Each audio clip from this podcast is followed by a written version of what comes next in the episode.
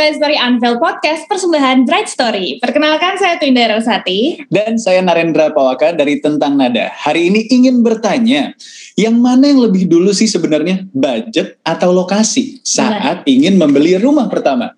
Yes, we're gonna talk about buying your first home. Bright, siap-siap kita akan ngobrol sama pakarnya. Siapakah dia, Twinda? Ini ya, sudah hadir bersama kita udah ada Teteh Ligwina Hananto, co-founder KM Financial. Hai Teh. Hai Twinda, hai Eda.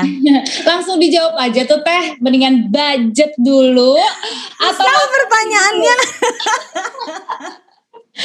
karena itu pertanyaan semua bright atau soon to be homeowner nih Teh. Ada otak finansial aku yang sangat logis. Oke, Oh, iya. yang tentu saja jawabannya adalah sesuai budget lah gila. Kalau nggak mampu ya nggak bisa dong. Tapi tentu saja ada sisi emosional aku yang bilang, oh no, aku ingin tinggal di area yang aku inginkan. ya nggak sih? Iya iya iya. Jadi Nah, ini pengalaman hidup aku ya. Pengalaman hidup aku adalah hmm, zaman dulu waktu eh, baru jadi eh, pengantin baru gitu, masih tinggal di rumah mertua. Aku tuh orang Bandung ya. Jadi waktu pindah ke Jakarta sebagai orang Bandung yang dulu tinggal di rumah nenek di daerah Dago yang rumah em, zaman dulu gitu, zaman Belanda. Jadi maunya di area yang kayak gitu juga. Tahu dong di Jakarta yang kayak gitu di mana? Di Menteng, guys. Wow, mahal. Jadi Oh. pertanyaan tadi tuh hit home so hard karena aku ngalamin banget. Oh oke kita kalau ngikutin lokasi dan bentuk-bentuk rumahnya maunya di Menteng. Eh, apakah sesuai budget? Tentu tidak gitu ya. Akhirnya kontrakan kami yang pertama sebagai pengantin baru itu adalah di selatan Jakarta. Bukan Jakarta Selatan, selatan Jakarta. Kayak 30 km di luar kota. Akhirnya beli rumah pertama juga di situ sesuai dengan kemampuan. Eh, cicilannya nggak terlalu besar, em, masih di batas sekitar 30% dari penghasilan. Em, baru butuh 12 tahun untuk kemudian akhirnya pindah ke area yang aku mau di budget yang kita mampu sekarang di Jakarta Selatan. Tapi jadi ada prosesnya. Kalau pengalaman hidup aku seperti itu, mungkin mungkin yang anak-anak sekarang nggak mau ngikutin pengalaman hidup orang zaman dulu ya. Jadi nggak mau, pokoknya harus terjadi. Ya bukan nggak boleh, tapi berarti effortnya nggak sama. Hmm. Iya iya. Oke, ini obrolannya akan menjadi menarik karena kalau ngomongin pengalaman, Eda sama Twinda baru satu tahun pernikahan, sedangkan Teh Wina ini aku dengar-dengar udah 20 tahunan menikah gitu ya. Mm-mm. Jadi kita sharing hari ini. Yeah, I thought I saw something between the two of you. Aku tadi nggak tahu ini kalian pasangan atau enggak terus kemudian mm, no no chemistry-nya beda. Thank you for no- noticing Teh. Iya. Ya, ya, ke- antara yang setahun sama yang 20 tahun. Yes. Iya, seru ya. Oke, newbie sama yang udah lebih Old berpengalaman. married couple disebut. Sebut aja old married couple. Oke, baik. Old married couple. Newbie and old married couple. Oke, Teh. Yes. Pengen nanya tentang langkah pertama sebenarnya Teh. Yang yang baik tuh seperti apa sih langkah pertama dalam membeli rumah pertama? Silakan Teh. Oke, yang pertama sebetulnya kita perlu survei. Jadi kalau yang aku rasakan dulu adalah semangat kan, eh, pengen punya rumah pertama. Tapi em, yang aku mau sama kenyataan itu jomplang banget bedanya. Aku tuh nggak tahu rumah di Menteng harganya berapa m gitu Oh. loh. Jadi Pak M. stok ya banyak cincang gitu. Jadi apa ya? The the apa istilahnya ignorance gitu nggak bener-bener blank aja nggak tahu. Jadi bukan bukan suatu buah kebodohan tapi karena nggak punya pengalaman sebelumnya jadi nggak tahu sama sekali kan. Kayak pertama kali naik sepeda kan nggak tahu caranya tuh gimana sih. Pertama kali berenang beli rumah tuh kayak gitu juga yang aku rasain ya. Jadi aku uh, udah punya pengalaman beli properti tuh empat kali. Nah yang aku rasakan adalah kita survei kita survei. Hmm. survei dulu supaya eh, kita nggak main di atas awan sama unicorn lagi muntah pelangi. Analogi yang lucu sekali. Iya iya. Nah, kan? terus Mm. ya. Sini sis turun ke bumi, Hmm. dijejak kakinya ke bumi supaya tahu. Oh ternyata misalnya pengen ke area eh, kalau di Jakarta tuh daerah Serpong gitu ya populer gitu ya. Pergi ke sana lihat areanya kayak apa. Aku pernah sampai nginep di rumah sepupunya suamiku di Bintaro untuk tahu areanya kayak apa. Eh, kemudian lihat-lihat di Jakarta Selatan tuh kayak apa. Waktu beli rumah yang sekarang aku tempatin itu kita uh, ini kan di Jakarta Selatan tuh aku di daerah Kemang. Uh, ke Iya. area yang ini kan uh, jalan buat buat yang di dal- di dalam Jakarta paham ya? Ada jalan TB Sumatupang itu kan ada Jakarta Selatan yang ke sebelah sana sama yang ke sebelah sini gitu kan. Nah itu harganya ternyata gapnya tuh beda banget. Jadi ketika kita survei baru kita tahu dan lihat oh ternyata harganya segini. Oh ternyata um, nggak selalu harga sekian itu harus di luar kota. Waktu aku survei yang di selatan Jakarta harga segitu ternyata di dalam kota masih ada kok yang segitu tapi masuk gang misalnya gitu. Nah jadi jadi ini yang menurut aku uh, perlu kita sadari perlu kita pahami survei. Uh, kalau zaman dulu sebelum pandemi memang surveinya uh, jalan-jalan ya dan rumah yang sekarang nih aku waktu itu udah ada dua anak sekarang anakku tiga. Waktu itu udah ada ada sorry anakku udah tiga waktu itu juga tapi yang kecil tuh masih bayi. Nah si dua anak yang lebih besar um, waktu itu udah SD dan udah ngerti banget mau tinggal di mana. Jadi ternyata mereka ikut memutuskan mau di mana. Jadi si survei ini, survei ini selain membawa kita pada oh harganya tuh sekian, tapi juga apa ya? Ada kayak feeling untuk ini area yang aku suka, ini bentuk Ya. rumah yang aku nggak suka. Em, karena ternyata proses sampai ke rumah yang sekarang itu ada yang aku suka, anak-anak nggak mau, ada yang aku suka, suamiku nggak suka, yang model kayak gitu. Ada Oke. yang kamar untuk anak paling besar itu di lantai dasar, yang lain di lantai atas. Terus anak yang paling besar aku nggak mau sendirian di bawah. Model-model kayak gitu ya. untuk untuk yang udah nikah berapa lama ternyata beli properti kesekian pun masih "Hah, oke kita harus cari lagi. Sehingga bayangin kalau ini pengantin baru ya Iya. kan datang dari dua rumah yang berbeda. Sekarang kita mau menempati rumah itu bersama. Survei ini tuh jadi kayak bawain visi kita sama-sama tuh kayak apa. And it's a lovely process to go through ya nggak sih? Dinda Eda ya nggak sih? sih? It's a lovely process Proses untuk kalian. Ah kita nanti tinggal di sini sayang Aduh, gitu. agak agak ada sugarnya ya di situ ya. Nah, mungkin kalau aku tuh nggak ngerasain teh, karena em, pencarian properti pertama atau hunian pertama itu memang udah Eda lakukan jauh sebelum eh, dia Ah, aku gitu. Jadi, Jadi kamu ibarat- datang-datang tinggal nunjuk-nunjuk. Ah, ah, ah, ya mending kalau nunjuk-nunjuk ya teh semua udah full furnish di sini. Oh no, kamu bahkan nggak boleh nunjuk-nunjuk. Eh, aku datang hanya membawa koper. Tapi Oh, mungkin eh, sayang enak juga sih kayak gitu Twin. Iya sih gitu. Jadi aku jadi berkaca lagi. Oh berarti ke- memang kembali ke eh, pasangannya masing-masing dan juga eh, situasi eh, di mana eh, kapan kamu menikah dan di era apa kamu menikah gitu. Mungkin kalau sekarang kita nyari eh, survei rumah pertama cari tahu harga, oke menteng kita cari aja gitu ya. Search Iya. rumah. Online sekarang semua benar ya. Jadi kita udah tahu, udah bisa jiper duluan, jadi nggak usah Jadi halunya nggak kelamaan kayak aku. iya iya iya gitu ya teh ya. Tapi mungkin eh, Eda sendiri waktu dulu pertimbangannya membeli hunian pertama tuh gimana? Itu di tahun 2012 waktu itu teh. Umur 21 tahun. Langkah Buset. pertama. Luar biasa. Iya kan Nanti aku ceritain kenapa bisa ya. Ambisius ya. Kan, makanya itu Emang gatel mau nikah di umur 25. Oke. Jadi sama kata Teh Linda waktu itu langkah pertamanya adalah survei dulu. Yang aku lakukan, aku menentukan budget saat itu. Terus aku tahu metode pembayarannya seperti apa, booking fee dan DP dan lainnya. Terus aku menentukan lokasi. Jadi aku waktu itu tahapnya budget dulu baru lokasi. Tapi kalau dari Teteh tadi bagus juga ya. Survei lokasi yang diinginkan di Menteng atau nginep di Bintaro, sembari tahu harganya berapa. Itu juga seru. Kemudian sadar. Oke. Halo. Nah, sekarang ngomongin tentang habis langkah pertama perencanaan keuangannya. Linda Hmm. katanya tadi pengen curhat sama Teteh. Nah iya teh, mungkin kan gini, Teteh sendiri udah punya pengalaman empat kali eh, beli properti. Artinya berarti as time goes by, kebutuhan kita terhadap ruang atau space iya, itu menjadi semakin besar gitu. Anak pertama butuh kamar sendiri, anak kedua butuh kamar sendiri. Tiba-tiba kita harus WFH gitu kan. Oh kayaknya punya studio sendiri lucu kali ya. gitu. Mulai mulai banyak permintaan istri kayaknya properti itu jadi sebuah kebeman tersendiri eh, sama eh, terhadap rumah tangga. Nah itu yang pengen aku tanyain teh. Kita pun juga nantinya pasti kan akan makin besar nih space yang kita butuhkan. Amin. Kita harus bikin nih perencanaan keuangan supaya kita nggak blunder di akhir gitu. Hmm. Janjian kita udah komit, oke ya kita beli di sana. Eh ternyata ada aku misalnya hamil atau ternyata eh, pekerjaan seperti apa gitu. Pasti suasananya berubah tuh teh. Dan perencanaan keuangannya tuh gimana sih teh? Ya, jadi uh, ternyata memang dengan hidup itu nggak statis, hidup tuh bergerak terus, uh, kondisi kehidupan kita berubah terus, uh, beli propertinya juga berbeda. Aku tuh dulu sama suamiku tidak berpikir untuk um, beli properti empat kali, nggak ada kita kepikiran seperti itu. Uh, yang kita rasakan waktu itu adalah waktu punya rumah pertama di selatan Jakarta itu, this is it, inilah rumah yang kita mau gitu kan ya. Dan kita suka di rumah gitu, kita betah di rumah itu. Kemudian aku punya anak ketiga. Jadi waktu punya anak ketiga itu kondisinya adalah uh, dengan punya bayi. Jadi waktu dua anak yang pertama aku kondisinya um, ibu tidak bekerja, kemudian aku jadi dosen part time, kemudian aku baru mulai bisnis. Jadi banyak waktu untuk bisa diatur ada di rumah. Setelah bisnisnya membesar kan full time dong kerjanya.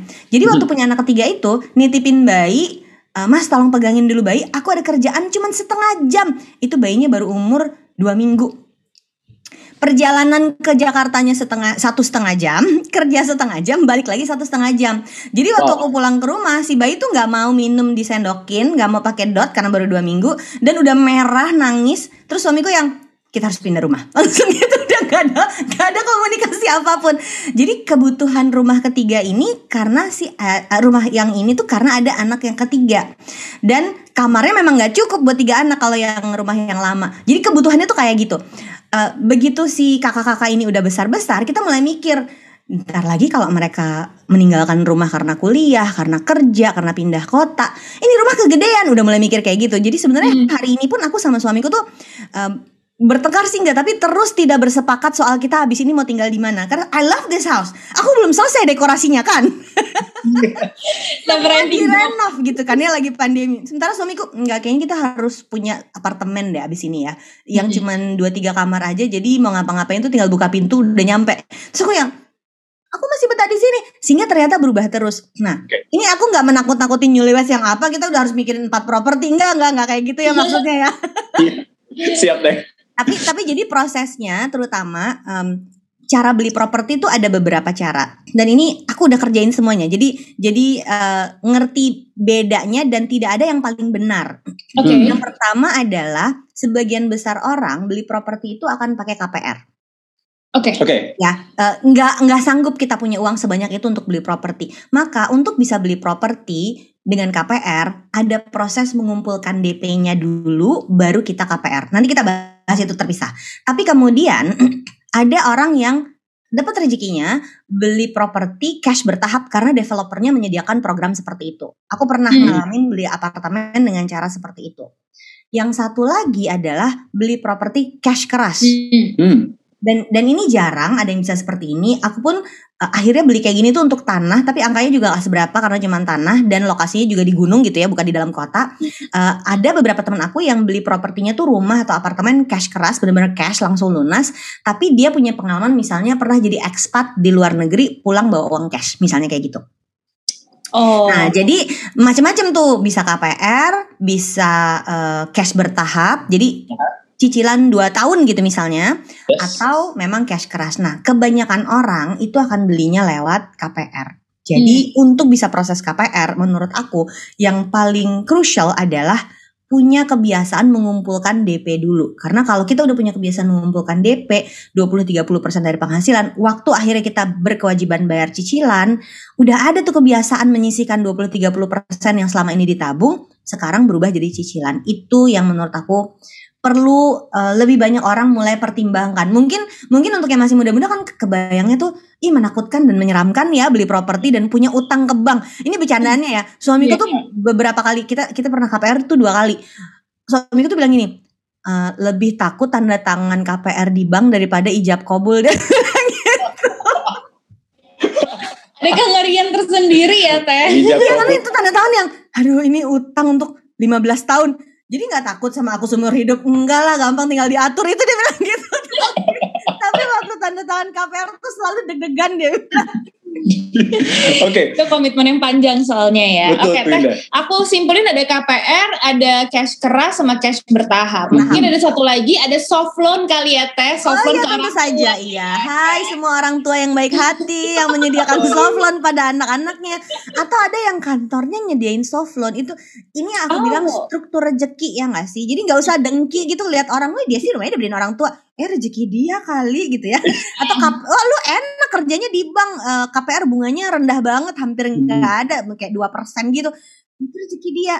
Aku menyebut ini struktur rezeki. Nah tiap orang struktur rezekinya beda-beda ya kita syukuri yang mana pun yang akhirnya jadi jalan kan?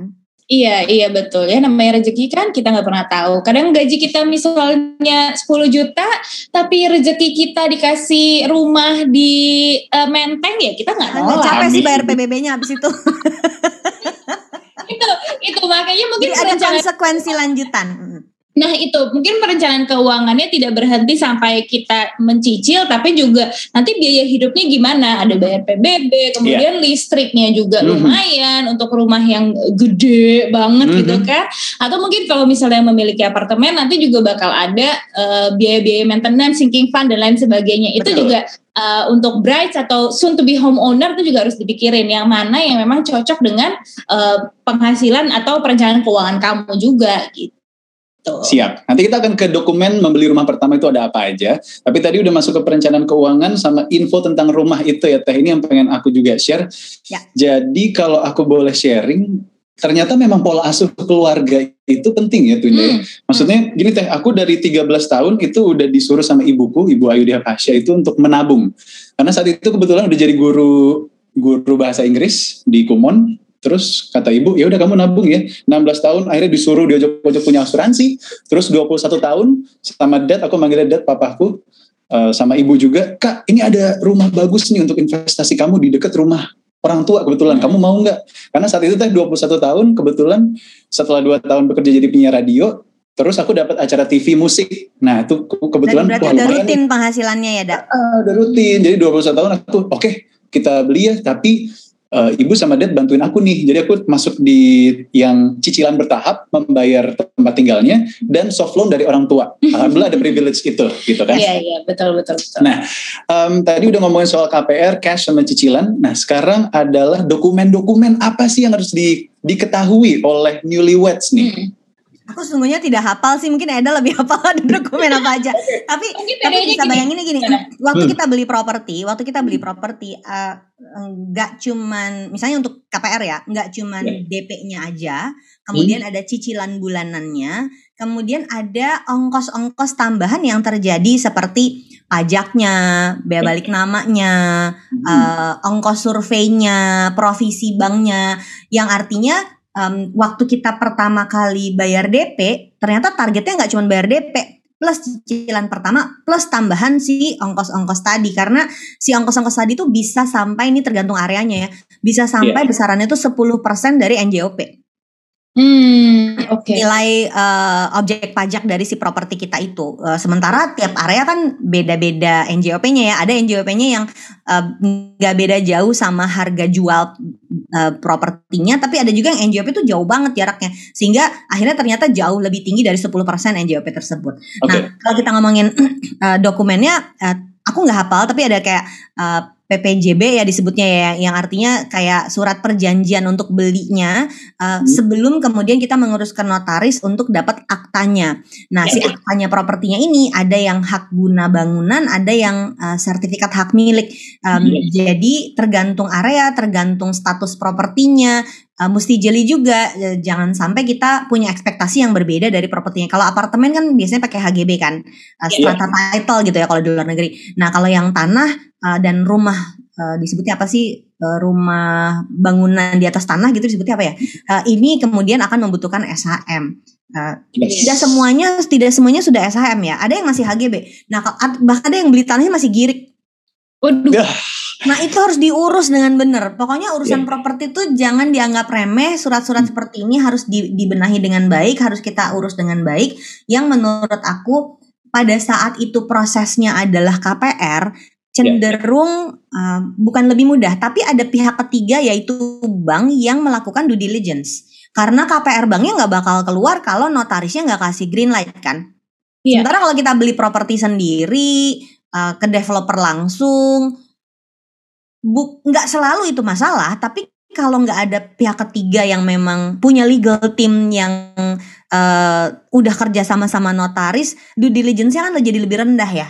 Ya. Hmm. Nah ini ini salah satu alasan kenapa aku sangat support kalau akhirnya um, banyak orang memilih untuk punya KPR walaupun memang ada bi- biaya yang harus lebih kita bayar karena bunga bank dan eh, sebagainya tapi ada due diligence pihak ketiga ini yang kar- karena resiko terbesar dari beli properti itu selain ongkosnya adalah status legal tanahnya Iya. Hmm. dan aku iya. pernah punya pengalaman kayak gitu waktu belinya cash bertahap ternyata tanahnya masalah Oke, Oke. itu kita nggak tahu ya ternyata tiba-tiba eh sengketa tanahnya, jeng-jeng. Mm, dan nggak tahu statusnya nggak ngerti karena kita bukan orang hukum juga kan Mm, Iya betul. Nah kalau Eda mungkin eh, memang hunian pertama yang dibeli itu adalah bentuknya apartemen nih Teh. Yes. Jadi eh, mungkin agak sedikit berbeda sama yang beli eh, tanah. Tanah Kalau kamu dulu gimana tuh? Kalau aku dulu eh, di tahun 2012 ya, aku Hmm. beli apartemen. Eh, waktu itu dikasihnya hak guna bangunan betul kata Yes. Teteh.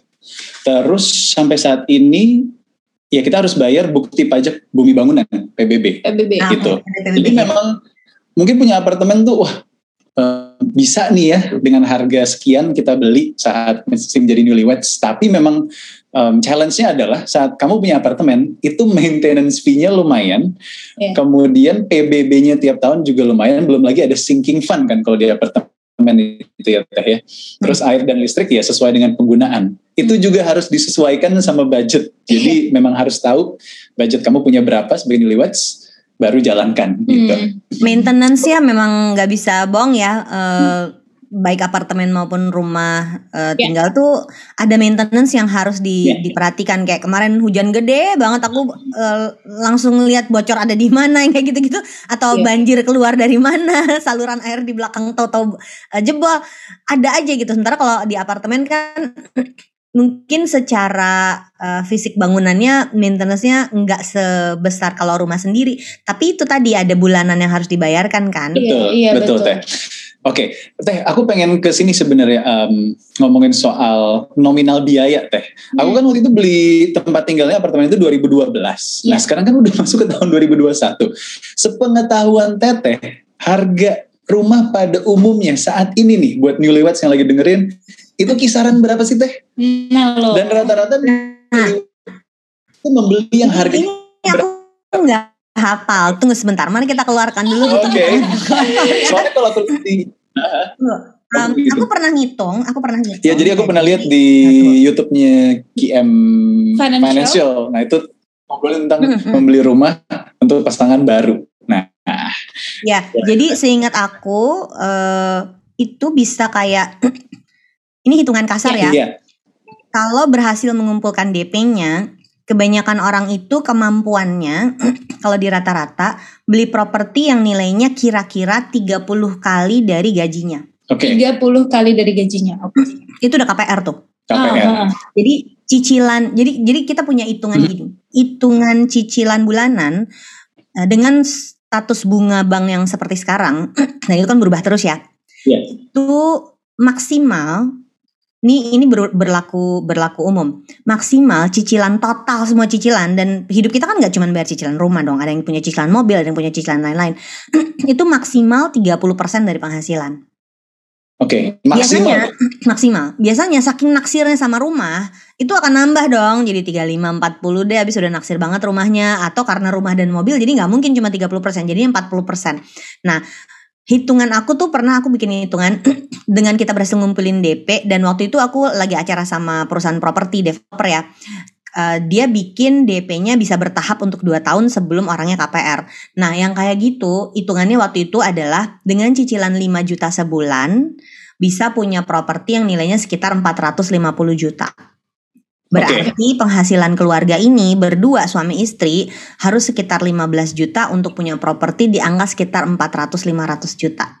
Hmm. Berarti kalau pengen punya properti yang nilainya 1 miliar, 2 miliar, 3 miliar, kita bisa ngukur kan, oh berarti um, ukuran wajar dengan bunga seperti hari ini, bunga bank seperti hari ini, itu saat ini ya hitungannya dan ini mungkin berubah adalah kurang lebih 30 kali dari gaji atau penghasilan berdua suami istri. Oke. Oke.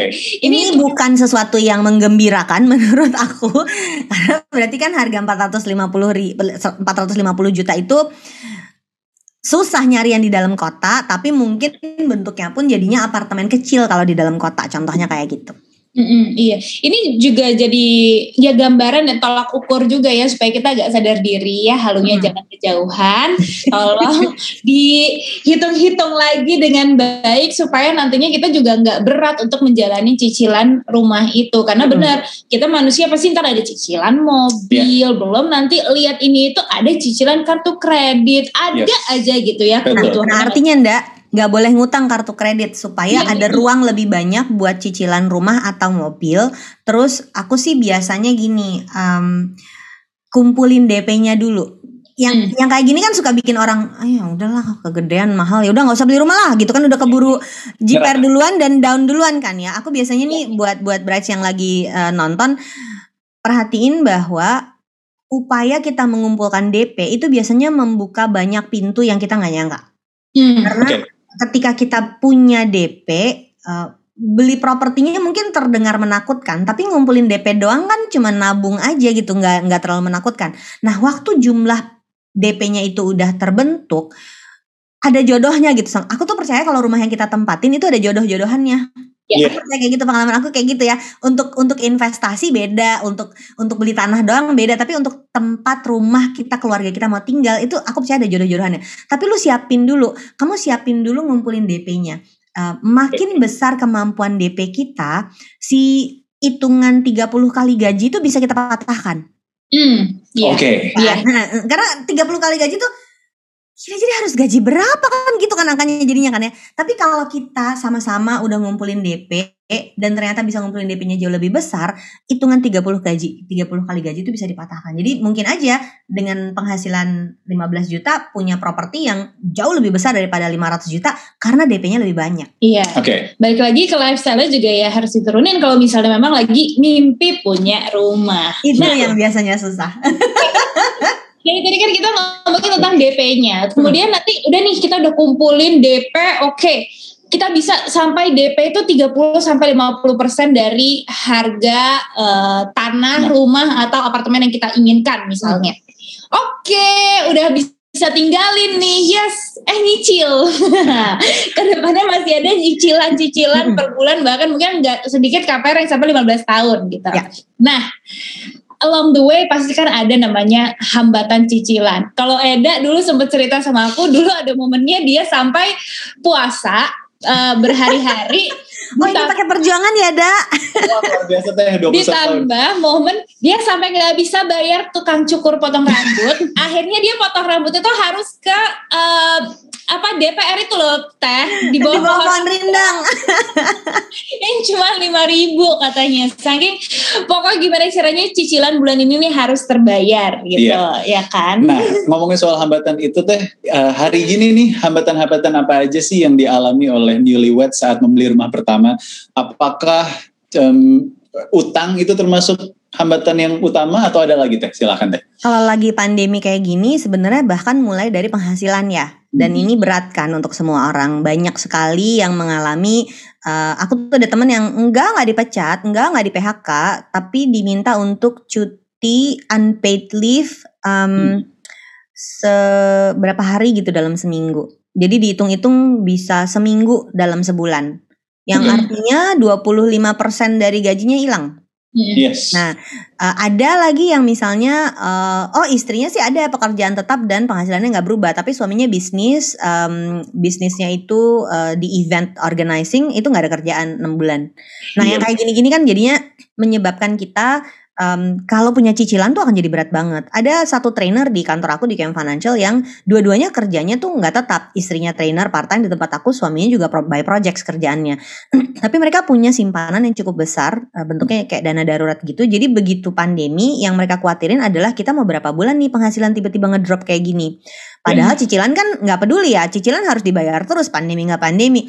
Uh, bisa negosiasi, tapi kan kalau bisa jangan dong, jangan sampai dia harus berurusan sama sama uh, gagal bayar rumahnya sendiri kan. Iya. Maka waktu itu mereka mengupayakan cash mana yang bisa dia cari, korek-korek-korek, kemudian melunasi sebagian atau seluruhnya dari KPR-nya.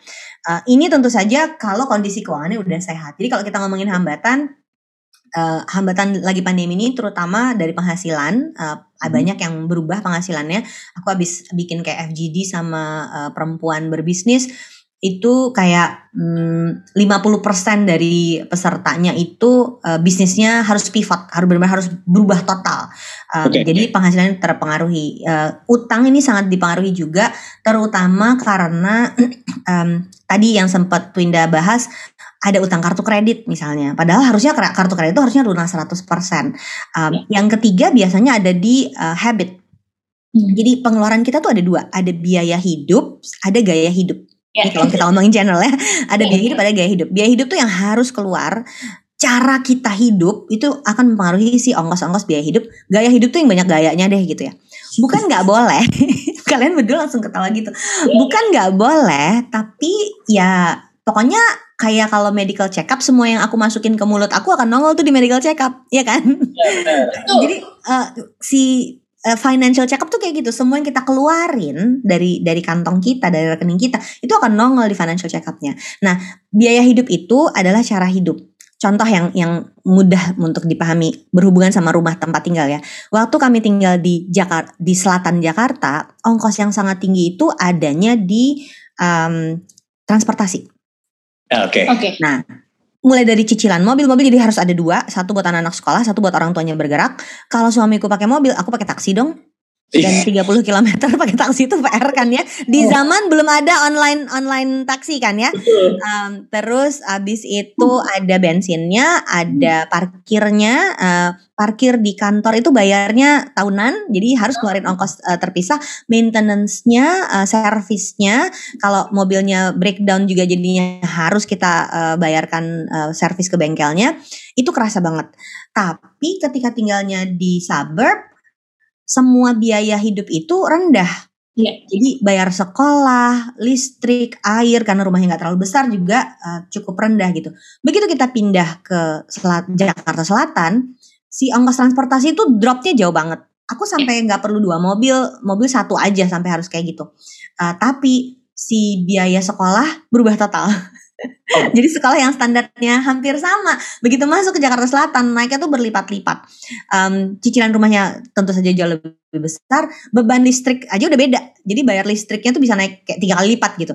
Nah, Mhm. jadi kita ketika kita bicara biaya hidup, kebiasaan kita hidup sehari-hari itu akan jadi hambatan untuk punya rumah pertama. Kebayang nggak orang yang udah biasa, Hmm, misalnya ya, udah biasa bisnis trip pakai bisnis class, Yes. tahu-tahu harus naik budget airlines, itu kan beda banget. Ya kan? Nah ini ini terjadi pada hidup kita sehari-hari ketika Ya. misalnya biasa tinggal di rumah orang tua sederhana gitu ya biasa tinggal di rumah orang tua listrik mau nyala 24 jam juga orang tua nggak pernah bunyi begitu tinggal sendiri pakai pulsa lagi ngejepret terus listriknya karena kita harus isi Hai teman-teman yang listriknya tiba-tiba ngejepret jam 2 pagi terus dalam kegelapan kita harus isi pulsa listrik ya kan Iya iya iya. iya. Iya iya iya. pengalaman hidup kayak gitu tuh akan mempengaruhi si ongkos yang ada di dalam pos-pos biaya hidup ini dan itu akan sangat mempengaruhi kemampuan menabung kita. Oke. Nah, si kemampuan menabung ini mempengaruhi uh, berapa besar DP yang bisa kita kumpulkan. Jadi akhirnya akhirnya bukan nyuruh orang hidup menderita dan serba hemat sampai potong rambut aja harus yang 5000 ribu enggak ya. tapi kan tapi kan ngerasain sendiri ya nggak sih Iya, Ya, iya, pada Teh. saat ada ongkos yang akhirnya gue korbanin deh ongkos yang ini gak gue keluarin demi bisa tetap bayar cicilan. Nah, Iya. hambatan kayak itu ternyata bukan sekadar hambatan yang sederhana, tapi itu bagian dari biaya hidup yang udah jadi kebiasaan kita sehari-hari gitu. Yes. Hmm, Oke. Oke. gitu ya. Jadi itu Brights kita udah ngebahas tentang perencanaan membeli rumah pertama dari langkah pertama sampai worst comes to worst itu ada apa aja sama Mbak um, Wina. Um, terakhir in simple words Mbak ini pesan untuk Brights yang saat ini lagi dengerin jadi nafsu makin pengen beli rumah. apa sih pesannya untuk mereka yang lagi dengerin nih sekarang saat ingin membeli rumah pertama? Oke. Punya rumah pertama itu sesuatu yang aku rasakan sesuatu yang a lovely process to go through. Jadi jangan berkecil hati menganggap anak muda itu akan susah untuk punya properti pertama. Mulai dari survei dulu, mulai dari ngumpulin DP dulu dan ini harusnya buat aku ya yang aku rasain ya dan aku rasa ini bisa kalian praktikan juga menjadi sebuah proses yang turut menguatkan relationship kita sama pasangan kita. nyari rumah bareng, ngumpulin DP bareng, survei bareng, sampai akhirnya mengisi rumah bareng. Oh ya jangan lupa, ngisi rumah itu lebih jahanam daripada beli rumahnya. itu betul. ya, Ayo Twinda, bongkar rumahnya ya. Jangan biarkan dia mendekor rumah itu sendirian. Kamu harus marking your territory. Ini aku ngajarinnya ngaco, Aida langsung pusing. Tapi itu bener mbak. Beli Tapi rumah terus ngefurnis itu sama sama kayak harga satu mobil. Iya, Asli, nggak selesai-selesai. Maaf, aku udah di rumah ini 10 tahun belum selesai prosesnya. Wow. Terima kasih sudah menginspirasi aku, Teh Wina. Terima kasih juga sudah hadir di uh, Bright Story Unveiled the Podcast. Senang banget hari ini bisa ngobrol sama Teh Wina. Dapat inspirasi, dapat racun, tapi juga tersadarkan dari halu aku ya. Oke, kita memang harus tahu diri. Tapi yang namanya perjuangan untuk punya rumah itu uh, luar biasa. Yes. Tapi pada akhirnya memang uh, perjuangan itu akan terbayarkan ketika kita sudah punya rumah untuk pulang, Amin. untuk berteduh, untuk bermain, untuk berbagi gitu ya. Ya enggak sih? Betul. Jadi untuk brides yang bermimpi Iya. untuk memiliki dan juga membeli rumah pertama, ingat kalau kata Teh Wina, it's a lovely process. Terima kasih ya Mbak Wina. Thank you. Sama-sama, my pleasure. Terus stay tune di Instagram dan juga Spotify Bright Story untuk bisa nonton dan juga dengerin Bright Story Unveiled the podcast. Akhir kata saya Twinda Resati pamit. Dan saya Narendra Pawaka pamit. See you on the next episode. Bye.